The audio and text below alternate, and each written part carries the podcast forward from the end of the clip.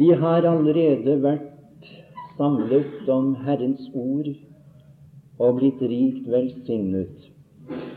Og jeg tenkte på det, og det gjør jeg forresten ofte når jeg sitter og hører Guds ord, for ikke å si bestandig. Det er forunderlig med de gamle sannheter fra Skriften. De blir stadig nye for ens hjerte aldri slitt, aldri foreldet, like friske til enhver tid. Og det er vidunderlig. Nå er det min bønn, og har vært det, at de to timer som jeg skal få ha her på bibelkonferansen i år, må bli til velsignelse i stor grad. Jeg vet å kunne si selv har jeg gledet meg usigelig over disse sannheter som jeg vil prøve ved Guds nåde å holde frem. Ehm, jeg pleier å si det slik, og jeg skal ikke repetere eller gjenta meg altfor meget nå. Men jeg liker godt at man har en notisblokk for hånden og en blyant ved siden av Bibelen. Nå er det noen av dere som foretrekker ikke å skrive, og det er like godt for så vidt, men jeg tenker da spesielt på kanskje dere eldre. Men du som er yngre av år, du bør prøve å få med deg mest mulig i eh, skriveblokken din. Skrive ned mest mulig. Eh, som kjent er, er det emnet vi skulle prøve å stanse for, lammets bryllup. Lammets bryllup. Det blir da selvsagt overskriften for disse to timene jeg skal ha lammets bryllup. Og du kan notere Åpenbaringens bok 19. kapittel 4 til 9. Åpenbaringen 19,4 til 9. Vi skal lese det avsnitt sammen i Jesu navn. Og de 24 eldste og de fire livsvesener falt ned og tilba Gud som satt på tronen, og sa Amen, halleluja. Og en røst gikk ut fra tronen som sa Lov vår Gud, alle i hans tjenere, og i som frykter ham, både små og store. Og jeg hørte like som en lyd av en stor skare, og som en lyd av mange vann, og som en lyd av sterke tordner, som sa, Halleluja, for Gud Herren, den allmektige, er blitt konge. La oss glede og fryde oss og gi ham æren, for lammets bryllup er kommet, og hans brud har gjort seg rede. Og det er henne gitt å kle seg i rent og skinnende fint lin, for det fine lin er de helliges rettferdige gjerninger. Og han sier til meg, skriv, salige er de som er innbudt til lammets bryllupsnadvær. Og han sier til meg, dette er Guds sanne ord. Amen.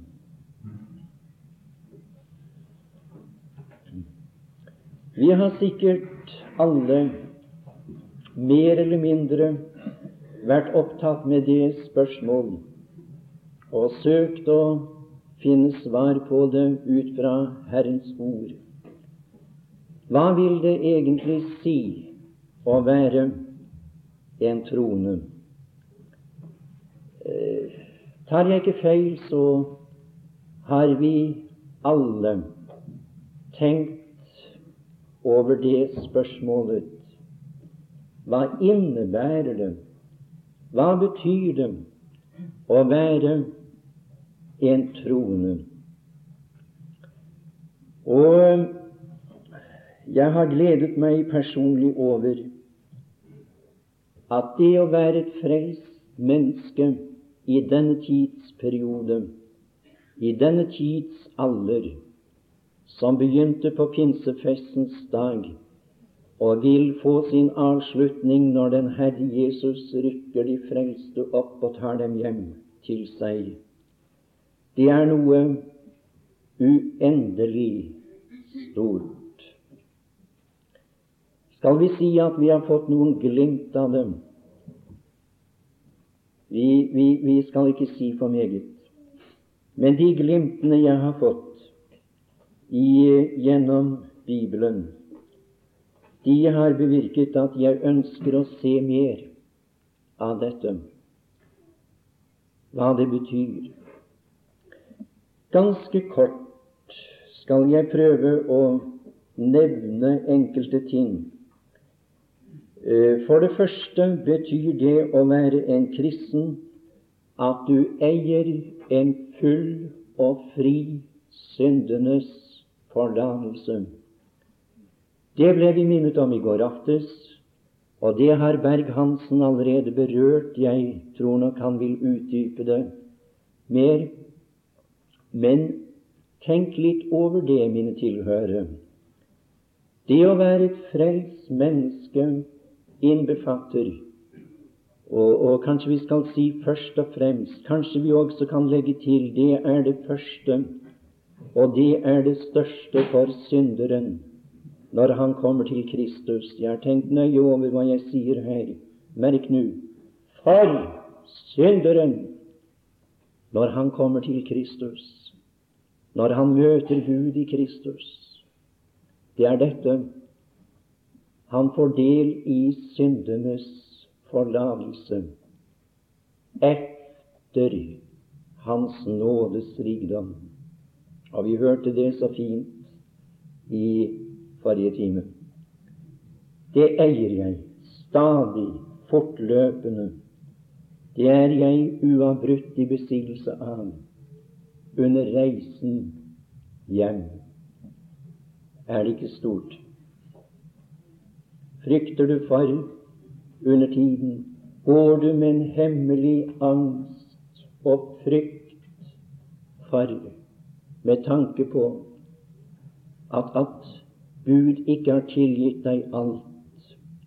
Jeg vet ikke om det er noen som tenker på spesielle synder i sitt liv, som djevelen kaller frem i din bevissthet og plager deg med. La meg få lov å si deg absolutt alt er strøket ut, fjernet ifra Guds bevissthet til like i kraft av verket på Golgata. Det starter der. Syndenes forlatelse, full og fri, av blank nåde. Men det er mer. Det var sagt slik i forrige time, noenlunde slik Hva Gud tar bort, hva Gud gir. Våre synder har Han fjernet, men Han gir noe. Han gir noe. Og for det annet skal jeg da bare nevne også at det å være frelst betyr at du er rettferdig gjort for Gud. Rettferdig gjort. Hva betyr det? Det er et juridisk uttrykk som vi kjenner til. Og det betyr kort sagt nå frikjent, skyldfri, ustraffelig. Han erklæres for fri å være. Det er betydningen. Og Romerbrevets femte kapittel erklærer da vi nå altså er. Vi er ikke på vei til å bli, men vi er, er rettferdiggjort ved troen. Er rettferdiggjort. Det er ikke en utvikling. Det er ikke en modningsprosess. Det er noe som skjer i det øyeblikk en synder tar imot evangeliet. Han erklæres i himmelen av Gud selv for å være rettferdig gjort i Kristus. Det betyr at du har fred med Gud, fred med Gud. Det ville være godt om man også kunne få med seg dette. Det er et ordnet forhold mellom deg og Gud, med andre ord. Et ordnet forhold. Skriften sier han gjorde fred. Han gjorde fred. Bibelen sier videre han er vår fred. Kristus selv i himmelen er de fred. Det er stort.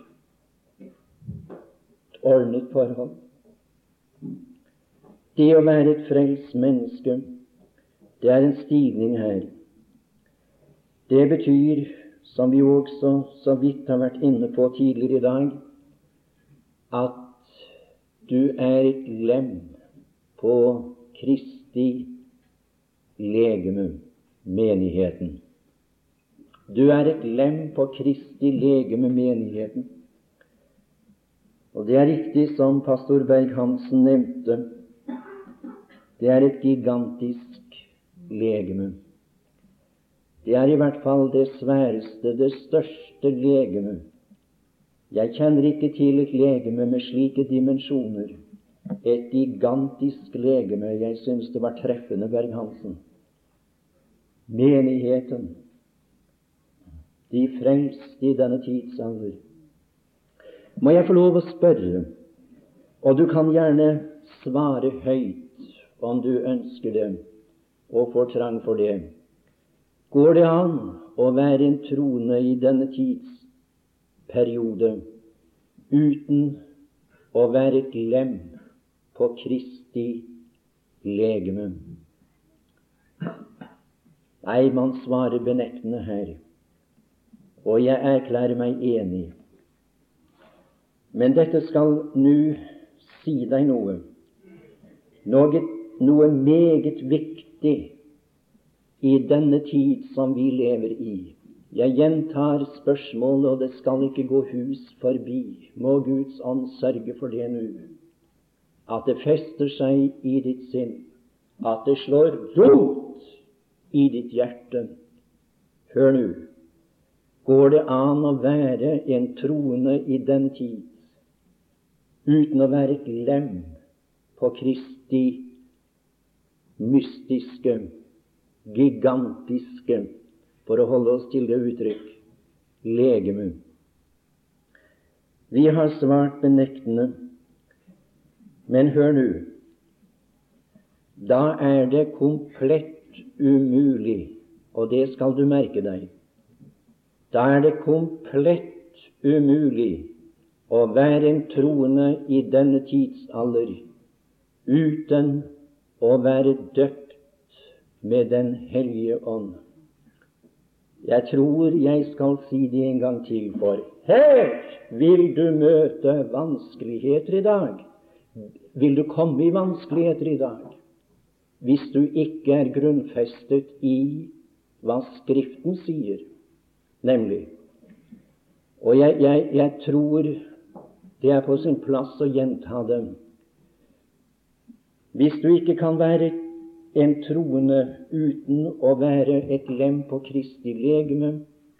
Med andre ord, hvis alle troende i denne tidsperiode er et lem på Kristi legeme, da er det komplett umulig å være frelst i denne tid uten at du er blitt døpt med Den hellige ånd.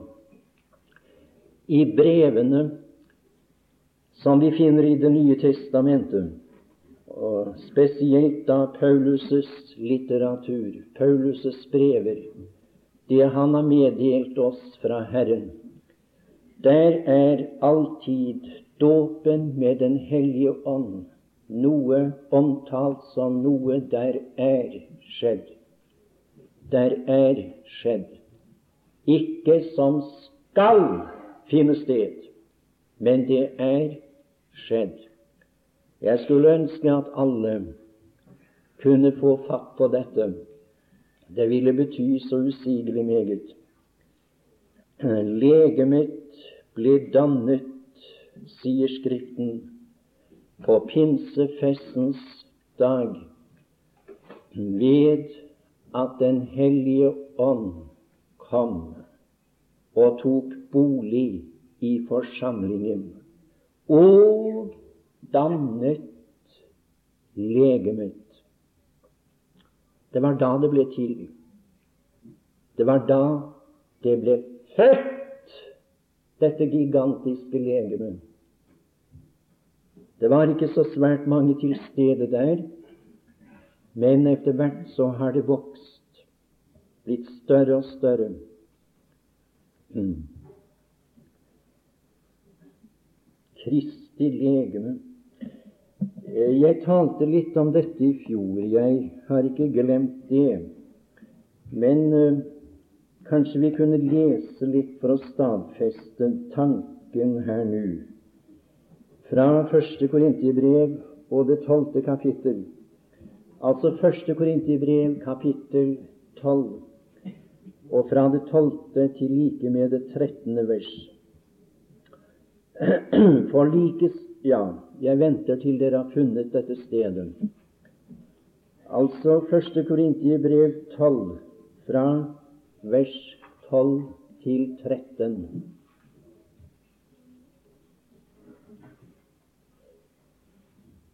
For like som legemet er ett og har mange lemmer, men alle legemets lemmer, om de enn er mange, dog er ett legeme.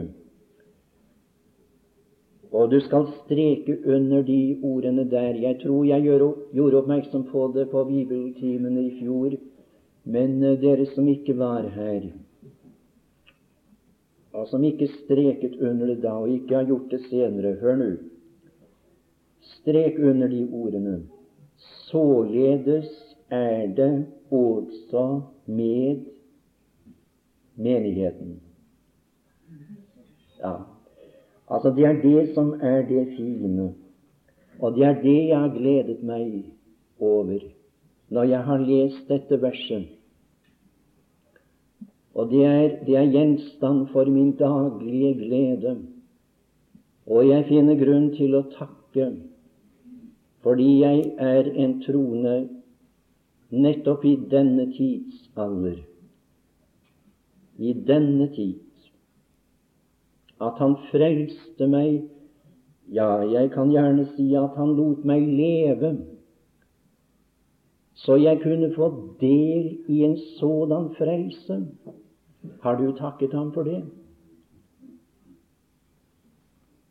Frelst i den betydning at du faktisk er en del av Kristus, den oppstandende et stykke av Kristus selv.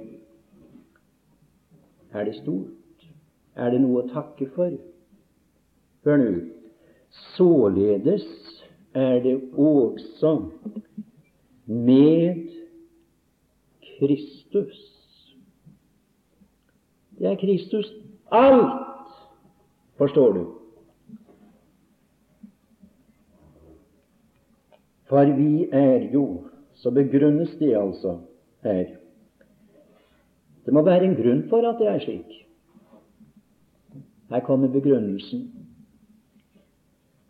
For vi er jo alle døpt med én ånd til å være ett legeme, enten vi er jøder eller grekere, enten vi er eh, treller eller frie, og vi har alle fått én ånd å drikke.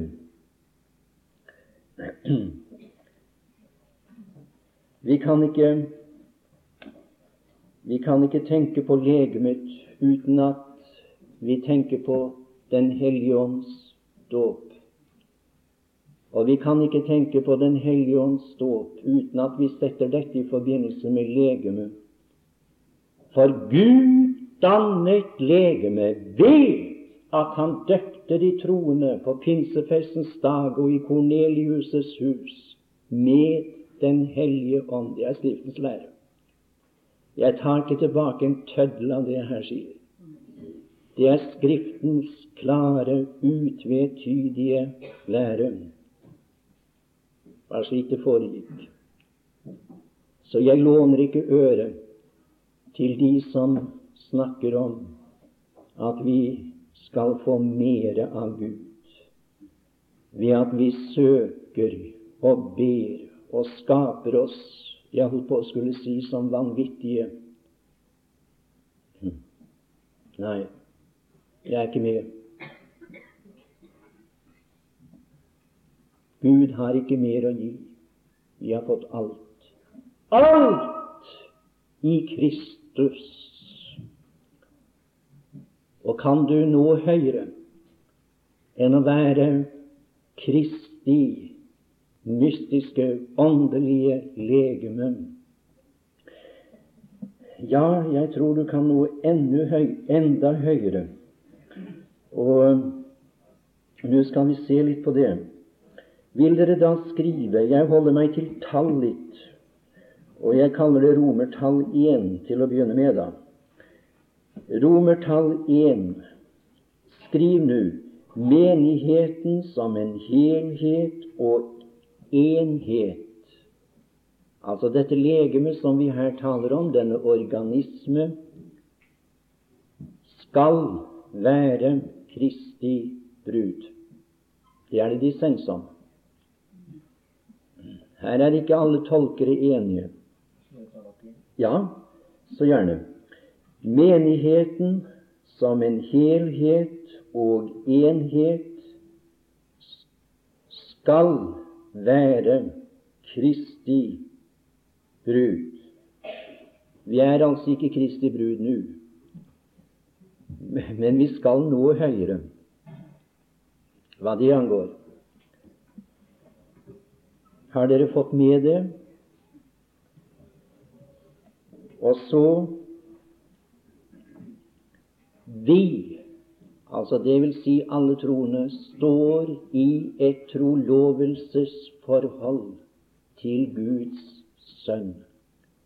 Vi, alle de fremste, fra alle forsamlinger, fra alle konfesjoner innenfor evangelisk forkynnelse Altså, jeg tenker på frelste mennesker, med andre ord. Gjenfødte, troende mennesker Hør nå. De står i trolovelsesforhold til den oppstandende Kristus i herligheten. Et trolovelsesforhold. Vi sa ja en dag. Vi sa ja. Det var det han, det var det han ventet på. Å, det er det han venter på! Hvis du skulle være her i dag som ennå ikke har sagt ja til Guds kall har evangeliet nådd ditt hjerte, så du har sagt ja. Jeg vil høre ham til.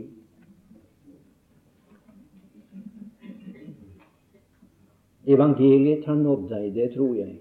Evangeliet er blitt forkynt deg. Men spørsmålet er har du tatt imot tilbudet? Det er, det er, det er overveldende hva Gud tilbyr i evangeliet. Du blir øyeblikkelig satt inn i et trolovelsesforhold til Guds sønn, den oppstandende på tronen.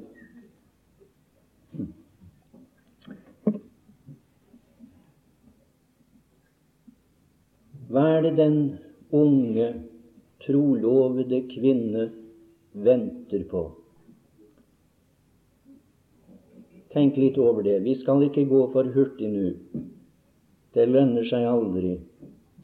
når det gjelder betraktningen av Herrens ord. Hva er det den trolovede unge kvinne ser frem til? Hva er det hun har for øye? Hva er det hun er opptatt med? Ja, Vi skal komme litt nærmere inn på det etter hvert som vi skrider frem i denne vår, betrakt, denne vår betraktning, men hør nå. Eh, hun ser frem til Jeg skal komme også tilbake litt med dette med, med, med forholdet mellom legeme og bruden. Altså det at legemet, som jeg her har sagt, er Kristi brud. Det skal jeg komme litt nærmere inn på. Men mm, hør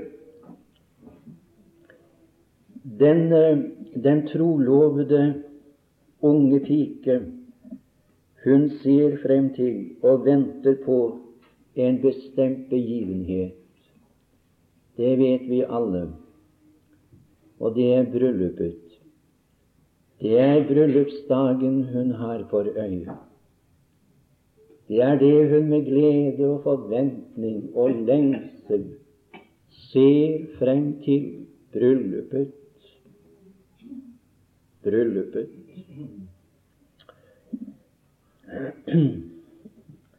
Hva er det første som skal skje, og hva er det vi venter på å se frem til i første rekke?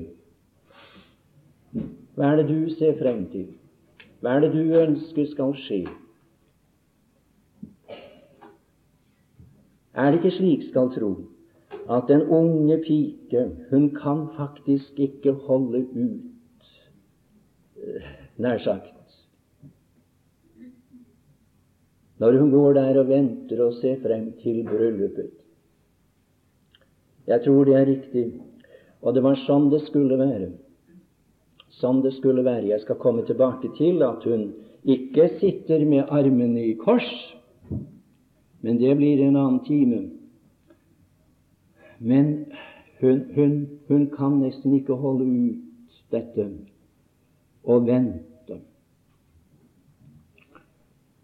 Hun venter på bryllupet, og det første som skal skje, det er ifølge Skriften, når det nå gjelder den sak vi her er inne på, nemlig menighetens forhold til Kristus, det er dette. Kanskje du kunne skrive det. Det første som vil skje, er at brudgommen og bruden skal møte hverandre privat.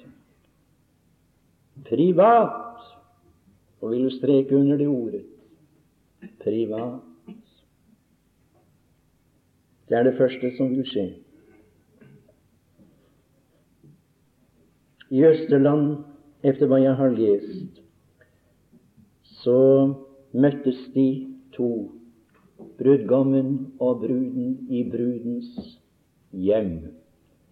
Det var det første som fant sted. Og nå skal du få noen skriftsteder. Det er Johannes evangelium 14, vers 3. Johannes evangelium 14, vers 3. Efesebrevet 5, fra vers 25.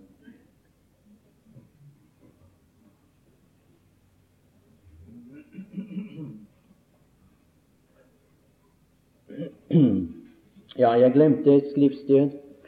Det var 2. Korintiebrev 11, vers 2. 2. Korintiebrev 11, vers 2.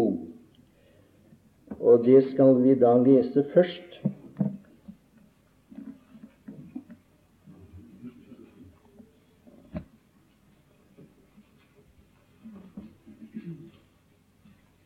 Det er sagt til den troende forsamling i Korint. For jeg er nidkjær for eder med Guds nidkjærhet. Jeg trolovet eder jo med én mann. Og her legger du merke til at det står det står ikke artikkel, men tallord. Én. Én mann ikke flere.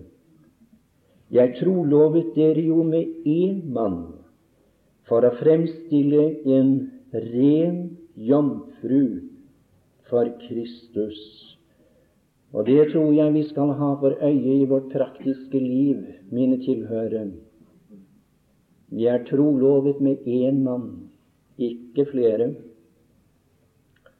Jeg tror det vil ha en veldig helliggjørende, ut- og atskillende innflytelse på våre liv som troende om vi daglig og stadig hadde den sannhet for øye. Vi er trolovet med én mann. Og Herrens hensikt med dette var at han ville fremstille en ren jomfru for Kristus. Han ønsker også renhet her i vårt liv i denne verden. Og jo mer jeg har sett dette klart, jo mer har jeg fått lyst til, og jeg tror jeg tør si som mitt personlige vitnesbyrd, jo mer har jeg fått kraft til å leve for ham. For ham som ga absolutt alt på Golgata kors. Han er verd ditt liv. Det er én mann det gjelder, ikke flere. Husk det. Husk det. Ja, så var det til Johans evangelium og det 14. kapittel. Johans evangelium, 14. kapittel, og det, 14, og det tredje vers. 14.3.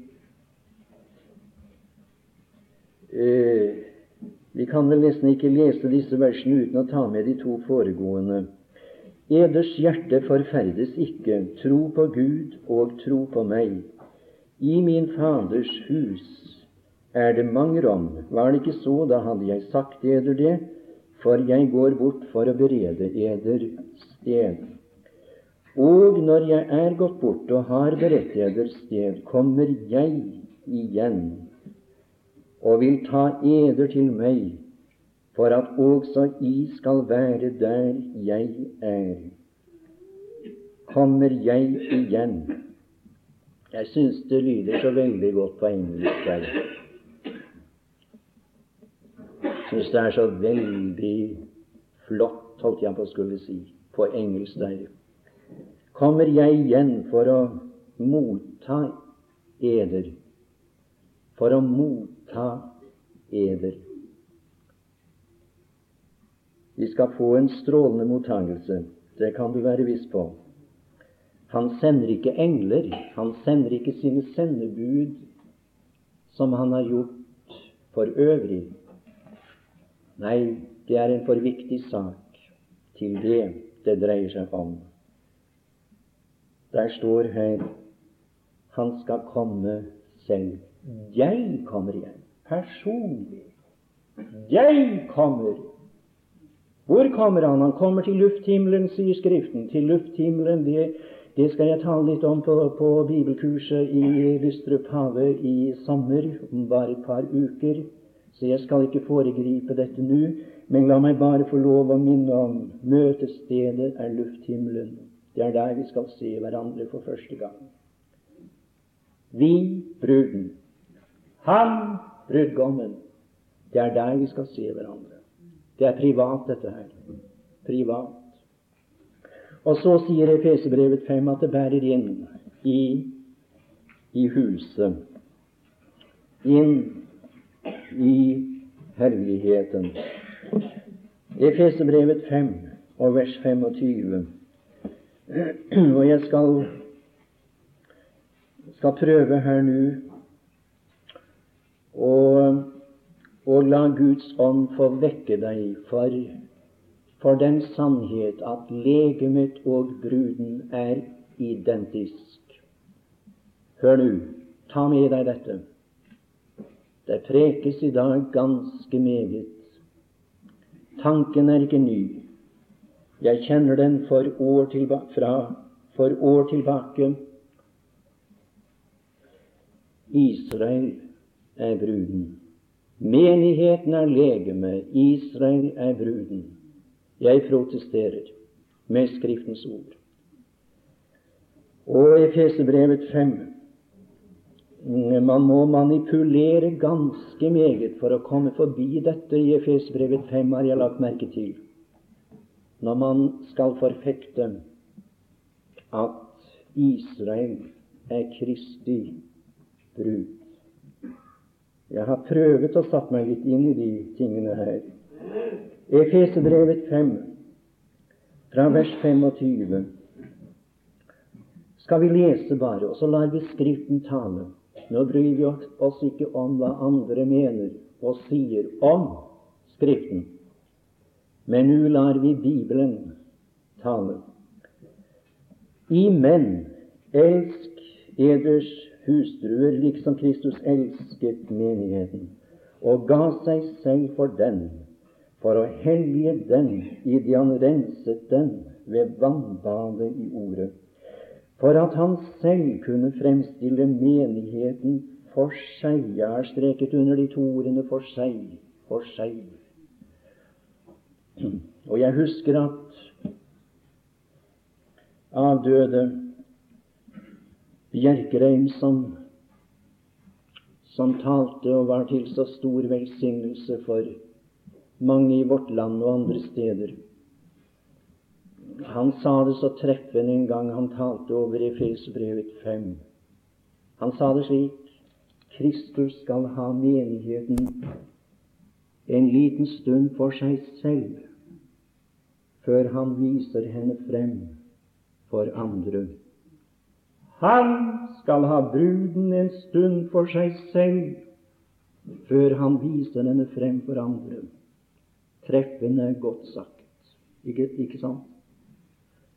For seg i herlighet, uten plett eller rynke. Tenke seg til, uten plett eller rynke eller noe sådant, men at den kunne være hellig og ulastelig så skal du høre så er mennene skyldige å elske sine hustruer samt sine egne legemer. Den som elsker sin hustru, elsker seg selv. Hør du? Når Kristus elsker, ja, det må bli slutningen. Det må bli det vi drar ut av dette. Hør nå. Når Kristus elsker menigheten, som er hans legeme, så er det ensbetydende med at han elsker seg selv. Ikke sant? Det er ham det dreier seg om! Og vi er vi har kjørt inn i den banen altfor mange av oss at det er bare oss det dreier seg om. Det er ikke underlig om du, om du nynner og synger og, og klager.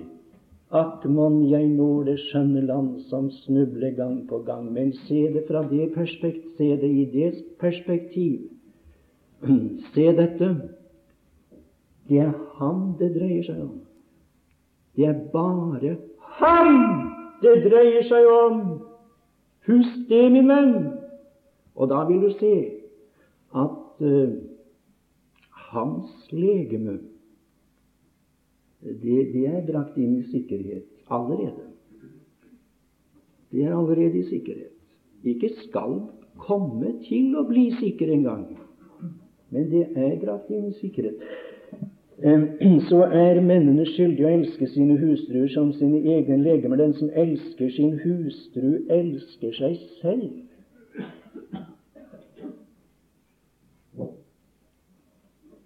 Ingen har jo noensinne hatet sitt eget kjøtt. Sitt eget kjøtt. Altså, hustruen er mannens kjøtt, mannens legeme.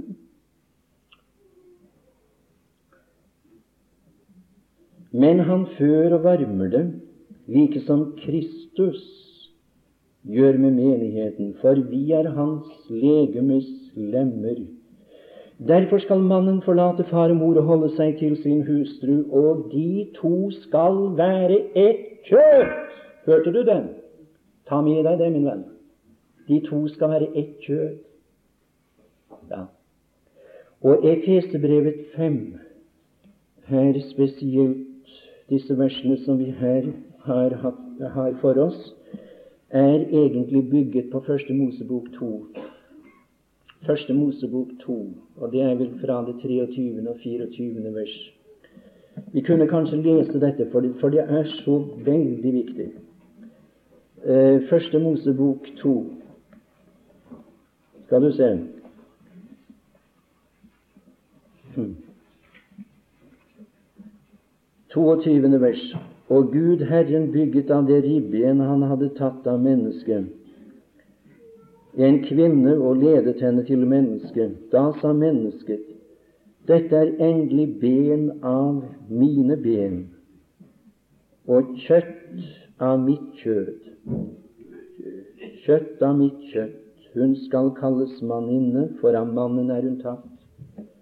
Derfor skal mannen forlate sin far og og bli hos sin hustru, og de to skal være ett kjød.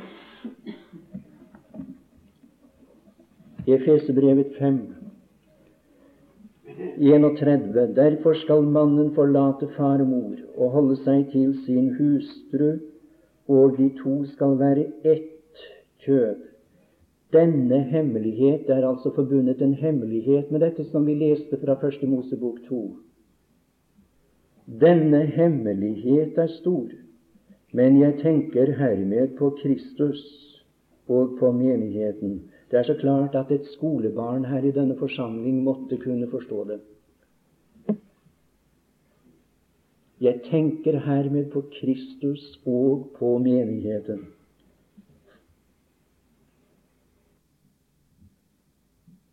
Skal vi slå det fast? Legemet som ble dannet på pinsefestens dag,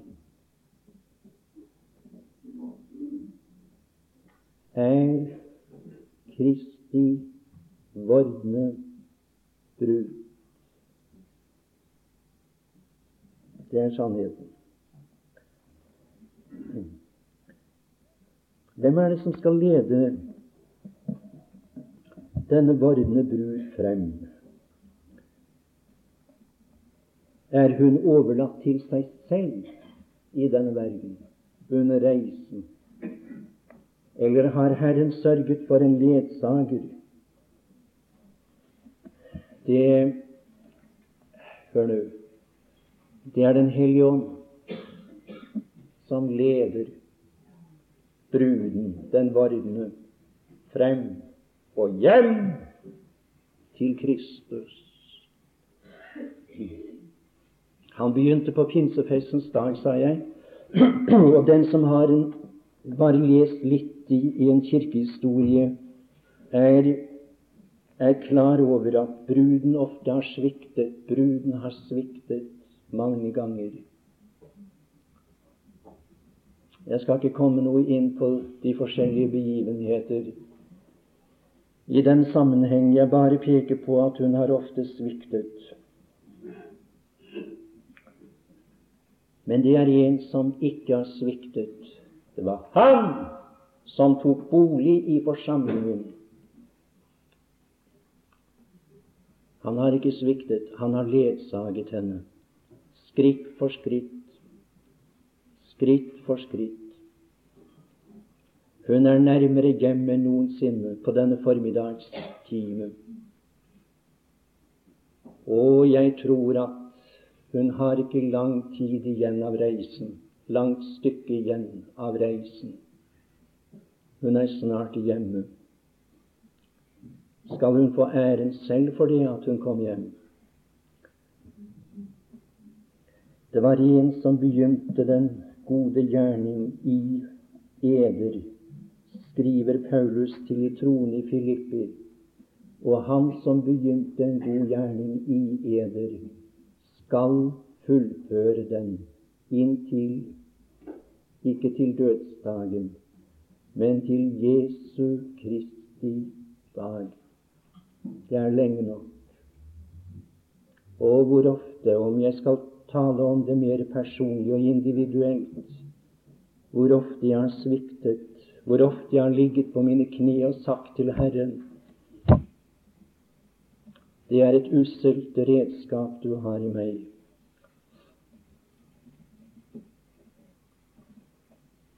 Og hvor det har brakt meg til å gråte mange ganger i enerom når jeg har tenkt på ja, det kan smelte mitt hjerte.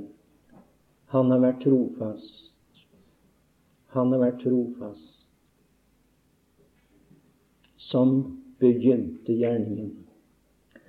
Jeg kjenner ikke noen bedre illustrasjon enn Første Mosebok 24, og jeg tror vi må en svipp innom der. Altså Første Mosebok 24, og det er noe der som har gjort meg godt i spesielt den senere tiden.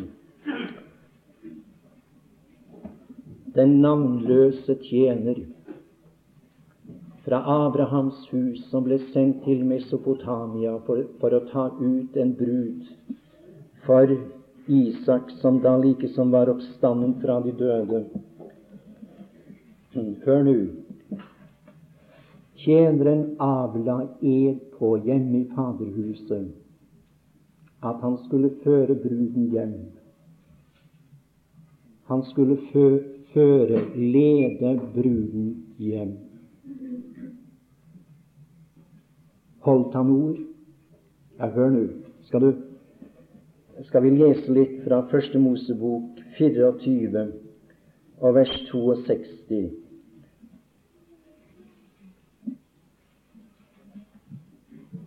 Uh, Isak var nettopp kommet tilbake fra en vandring til brønnen Lakairoi, for han bodde i Sydlandet, og Isak gikk ved aftenstid ut på marken for å ha en stille stund.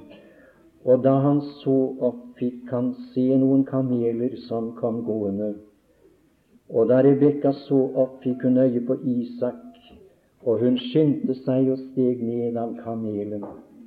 Og hun sa til tjeneren, Har du undret deg over dette? Hvem? sa, sa han. Eh, sa hun. Hvem er denne mann som kommer oss i møte? på marken. Du legger merke til at Isak tok det ikke med ro hjemme i faderhuset. Nei, han gikk ut i et bestemt ærende for å møte bruden. For å møte bruden. Jeg tror det er bare et tidsspørsmål når Kristus, vår, vår brudgom, reiser seg fra sin majestetiske plass ved tronen og så går han ut i et bestemt ærende. Hva er det han vil da? Han vil ikke sone synd da. Han er ferdig med det. Nei, da, mine tilhørere, skal han, skal han si til bruden, kom høyre opp. Og så skal de møtes i lufthimmelen. Griper det ikke ditt hjerte når du leser disse ordene? Da Rebekka så opp, fikk hun øye på Isak fikk hun øye på Isak. synger i en sang snart vi ser ham, salig time, ham vi aller helst vil se. Ja, det er ham jeg vil se. Og Nå må dere unnskylde at jeg er så personlig, men når jeg har ligget på mine kne og det er den beste plass for meg i denne verden å innta. Den beste stilling jeg har, det er når jeg bøyer mine kne og får være alene med Herren, gjerne foran en åpen bibel. Og da har jeg under tiden tenkt Hva skal jeg si når jeg møter ham? Hva skal jeg si når jeg ser ham? Det er meget mulig at jeg tar feil, men jeg tror at det første jeg vil si, det er dette som jeg har stammet på, og prøvet å gi uttrykk for, men som jeg ikke har maktet inntil denne stund, og som jeg ikke vil kunne makte før det øyeblikk hun fikk øye på Isak. Da skal jeg si, Herre Jesus, takk fordi du døde for meg. Du døde for meg. Du døde for meg. da skal jeg si, Herre Jesus, takk fordi du du holdt ord. Det var å stole på og regne med og hvile i. Herre Jesus, deg tilkommer æren fullt og helt. All ros er utelukket. Bare han skal tilkomme ære, fordi han fikk bruden hjem. Ser du det? Tror du ikke det vil bli en gledesdag for ham og for oss? Vår Gud.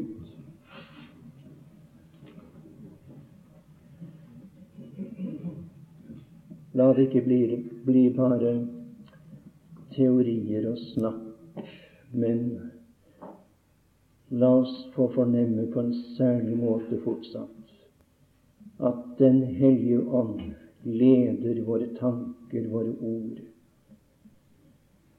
og sørger for at ordet fester rot i våre hjerter, så det ikke blir bare slik at vi har vært på en bibelkonferanse men at det kunne føre til at de som vi omgås om dagen, i hverdagen, de kan se mer av Kristus i og gjennom oss. At vi kunne avspeile ham på ethvert sted.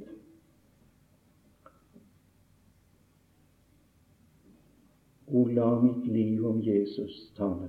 Amen.